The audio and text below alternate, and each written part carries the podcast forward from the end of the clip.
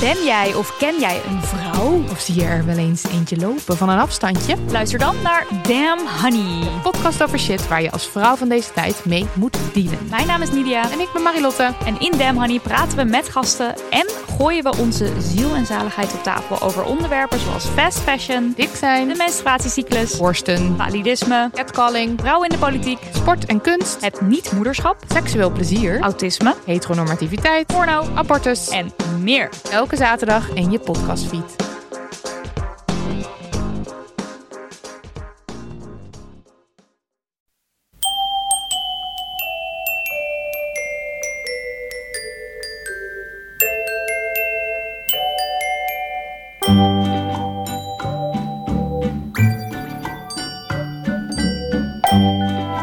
Bij aflevering 327 van Echt Gebeurd. De podcast waarin mensen hun eigen waargebeurde verhalen vertellen.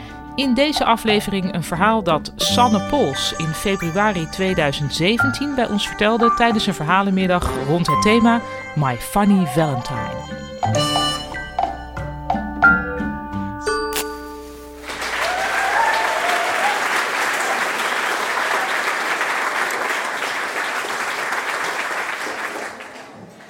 Ik was 27 toen ik van Tilburg naar Amsterdam verhuisde. Ik ben nu 34.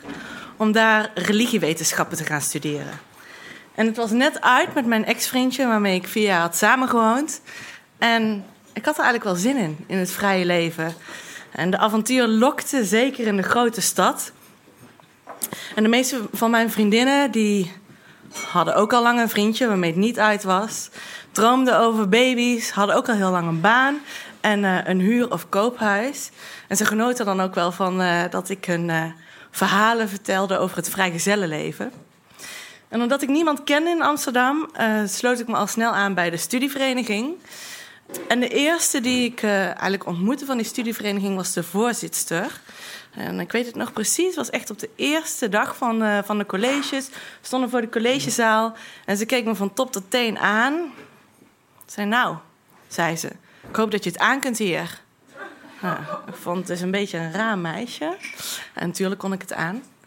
En ehm, nou, ik ging daar veel uit en ik genoot van de diversiteit van, die de stad ook kende. En ik ontmoette veel mensen, eh, eh, specifiek gericht op het flirten en het vrijgezellenleven. En ik kon alles doen en laten wat ik wilde. Dus dat deed ik ook. En ik bedacht me op een dag, ik wil wel een keer met een meisje zoenen. Dat heb ik nog nooit gedaan. En eh, om een plan wat concreter te maken van hoe moet ik dat nu aanpakken, focuste ik me op dat rare meisje, die voorzitter. Want zij was eigenlijk de enige lesbo die ik kende. Ja, eigenlijk de mogelijkheid deed zich al best wel snel voor. Er was een filmavond op de faculteit van geesteswetenschappen. We keken een religieuze film samen. Maar die avonden waren helemaal nooit zo heel heilig. Uh, voor de aftiteling begonnen was, stonden we al te dansen op de tafel naast de beamer en blikjes bier stonden overal. En met een groepje waren we een plan aan het maken om nog de stad in te gaan. Het was donderdagavond en uh, we gingen naar de Gieter, Leidse Dwarsstraat. De naam zegt het al. Je komt binnen en je krijgt een klap in je gezicht van een walm van bier en zweet en sigaretten en hormonen. Overal staan kannen met bier om je ja, mee vol te gieten. En ik focuste op mijn plan. Dus als zij naar buiten ging om een sigaretje te roken, dan ging ik mee, of ging ik ook toevallig roken. Ging zij een biertje bestellen aan de bar, dan stond ik naast haar, want ik moest wel een beetje bij haar in het vizier blijven. Want ja, ik had nooit met een meisje gezoend. Um, ik zou zelf niet eerst uh, snel de eerste stap nemen. Dus ik hoopte dat zij dat zou doen. Dus probeerde ik een beetje op, in die, op die manier te manipuleren en bij haar in het vizier te komen. Zij stelde kroeg nummer twee voor. Een lesbobar. Ik dacht, yes, dit past echt fantastisch in mijn verhaal. Wat leuk, en daar ben ik nog nooit geweest. Weer een nieuw avontuur. Nou, we liepen met een groepje naar Rembrandtplein en ik zie al de regenboogvlag aan de gevel wapperen, die alle kleuren heeft van ja, de regenboog.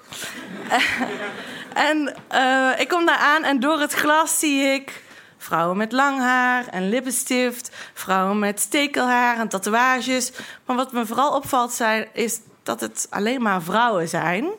Um, ik treuzelde een beetje, ik bleef een beetje buiten hangen. En ik hoopte dat zij dat ook deed. Het groepje liep uh, naar binnen.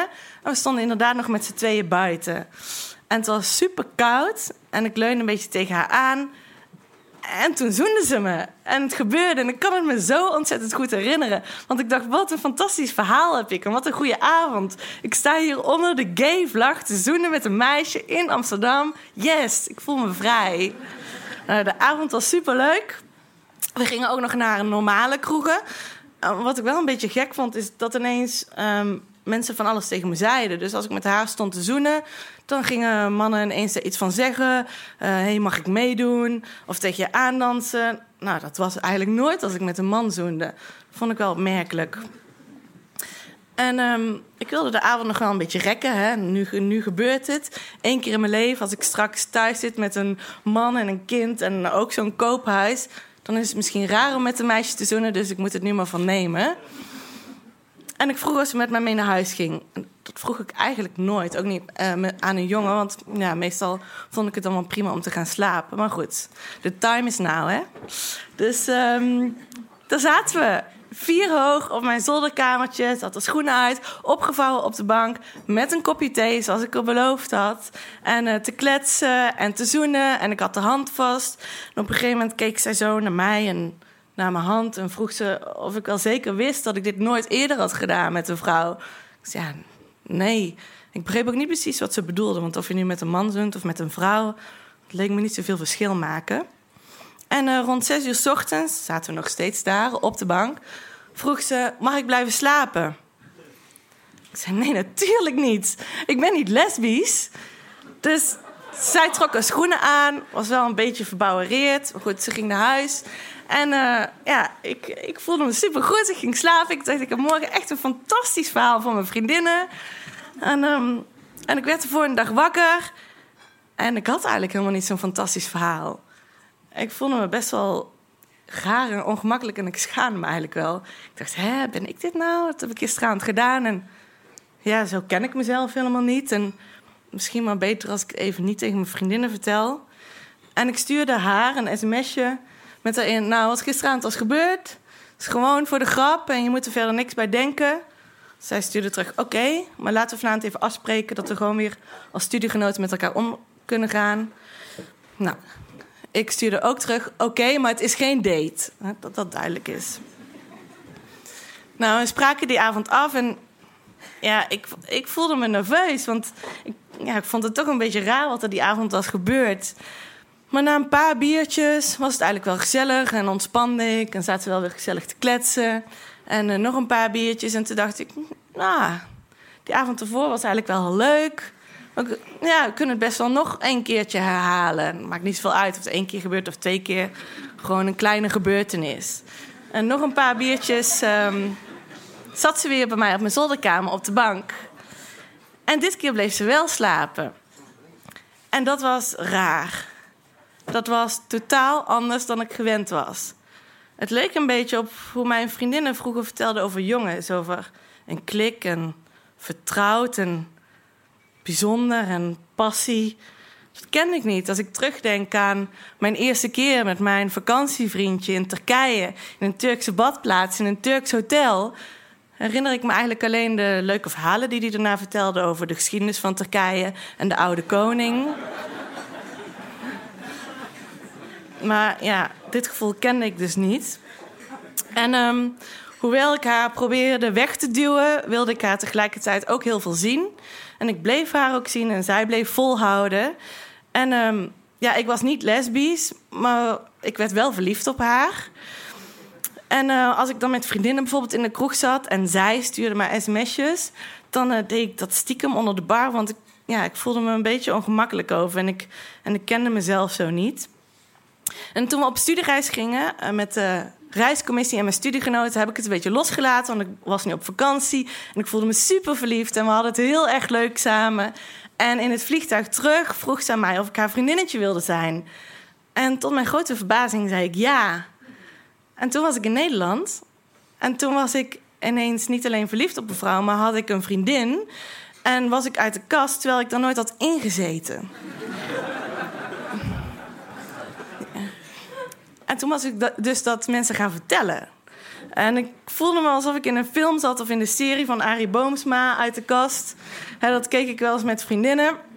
En dan vonden we het eigenlijk best wel zielig. Iemand die iets heel leuks meemaakte, super verliefd was. En die moest dan aan zijn omgeving gaan vertellen dat dat zo was en gaan wachten op goedkeuring. Nou, nu weet ik dus dat er een aantal manieren zijn waarop mensen reageren. Een soort van uit de kast reactiestijlen. En ehm, nou, ik zal jullie een beetje een eh, greep geven uit de collectie die ik door de jaren heb eh, meegemaakt. Vooral in het begin. Eh, in de auto met mijn beste vriendin. Sanne, ik zie jou toch eerder met een man samen. Boven het gourmetstel met mijn middelbare schoolvriendinnen. Altijd een goed moment om met z'n allen dat samen te doen, hè? Ja, eh, het is allemaal prima als je maar gewoon normaal doet... en eh, niet op zo'n rare boot gaat staan met gay pride eh, in een gouden string... dan vind ik het allemaal goed. Mijn studiebegeleider. Oeh, jouw leven zal zoveel moeilijker zijn. Ehm, mijn vrouwelijke huisgenoot. Oh ja, met een vrouw. Ja, ja, ik heb er wel eens over nagedacht. Ja, het lijkt me eigenlijk wel, ja, lijkt me eigenlijk wel leuk. Hè? Met die mannen kun je toch niet praten. Met die vrouw heb je toch een betere emotionele klik. En ja, het lichaam ken je eigenlijk ook wel beter. Misschien ook wel een beter lichamelijke klik. Ja, ja, ja, ja, ja, ja. Studievrienden in de kroeg. hey, hoe doen jullie het nou eigenlijk? Vertel eens. Mijn moeder. Ach, Sanneke, dat is toch helemaal niet erg? Als ik hier in het dorp zie ik ook wel eens van die homootjes lopen. Die zeg ik gewoon gedag, hoor. Mijn vader.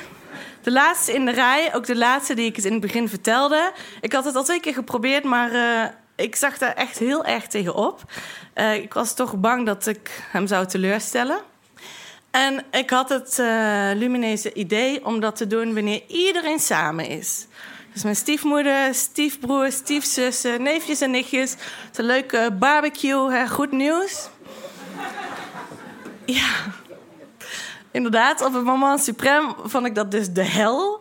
En uh, mensen stonden in de tuin een glaasje wijn te drinken. De, mijn stiefneefjes en nichtjes zaten in het zwembad. En mijn stiefmoeder was salade aan het snijden in de keuken. En ik was ongeveer zes keer al van tuin naar keuken gelopen. En op een gegeven moment sta ik in de keuken en ik houd me vast aan het koelkastgreepje en ik begin heel erg hard te huilen. En ik vertel mijn stiefmoeder dat ik een vriendin heb. En ze reageert heel erg lief. En ik zeg vervolgens, ik durf het mijn vader niet te vertellen. En zij zegt, ja, dat snap ik. ze stelt wel meteen voor om het dan van mij te doen. En snikkend knik ik, ja, alsjeblieft. En um, je moet je voorstellen, die keuken uh, is een en al raam en je kijkt zo de tuin in. Dus ik zie mijn stiefmoeder het paadje aflopen naar mijn vader. Die staat te barbecuen, de worstjes net staat om te draaien en ik kan zo meekijken. Uh, alleen niet mee luisteren. En zij begint te vertellen. En mijn vader staat dan nog steeds met die tang in zijn hand. En ze begint nog meer te vertellen. En het duurt lang. En ik zie mijn vader zijn hand voor zijn mond slaan. En nou, op een gegeven moment hadden al uh, de helft van de familie om mij heen verzameld in die keuken. En waren allemaal daar aan het afwachten. En ja, ik kon het eigenlijk bijna niet meer aan. En na tien minuten zie ik mijn vader het paardje aflopen naar de keuken. En de keuken inkomen. En hij strekt zijn armen uit en hij begint onbedadelijk te huilen. En houdt me vast. En hij snikt Sanne, ik vind het zo vervelend voor je dat je het niet durft te vertellen. En vervolgens zegt hij ook... En je stiefmoeder had zo'n lange aanloop genomen... dat ik echt het ergste in mijn hoofd had gehaald. Nou... Ik uh, ben anderhalf jaar met die vriendin geweest. Het was het zoetste zoet, de grootste verliefdheid die ik ooit had meegemaakt. En toen maakte ze het uit. Zij was niet meer verliefd. Um, dit was dus liefdesverdriet. Dit had ik nog nooit meegemaakt. Zo ontzettend de hel. Dat had ik wel heel graag willen missen. Um, ik heb nu het lesbische leven omarmd. Ik woon met mijn huidige vriendin en mijn kat Samantha samen. Ik heb al drie keer op zo'n rare boot gestaan met andere homootjes. en mocht je nu een vriendin hebben die boven het gourmetstel ineens uit de kast komt, dan is het enige dat je hoeft te zeggen Gefeliciteerd.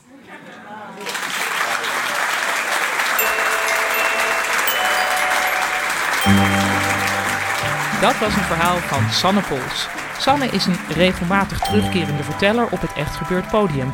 Andere verhalen van haar zijn te beluisteren in de afleveringen 109, 167 en 244 van deze podcast. En je kunt haar ook in het echt horen vertellen, want Sanne is de founding mother van de LGB Tours. Ze geeft rondleidingen langs plekken in het historische hart van Amsterdam. Plekken die een belangrijke rol hebben gespeeld in de homo- en queer geschiedenis van de stad. Voor meer informatie daarover kun je kijken op het Instagram-account lgbtour Amsterdam. En mocht je even niet kunnen meeschrijven, we zetten ook een link in de show notes bij deze aflevering en ook op ons eigen Instagram-account. De redactie van Echt Gebeurd bestaat uit Micha Wertheim, Rosa van Toledo, Maarten Westerveen en mijzelf, Paulien Cornelissen. De productie doet Eva Zwaving, zaaltechniek deed Nicolaas Vrijman, de podcast wordt gemaakt door Gijsbert van der Wal. Dit was aflevering 327. Bedankt voor het luisteren en onthoud, de regenboog heeft alle kleuren van de regenboog.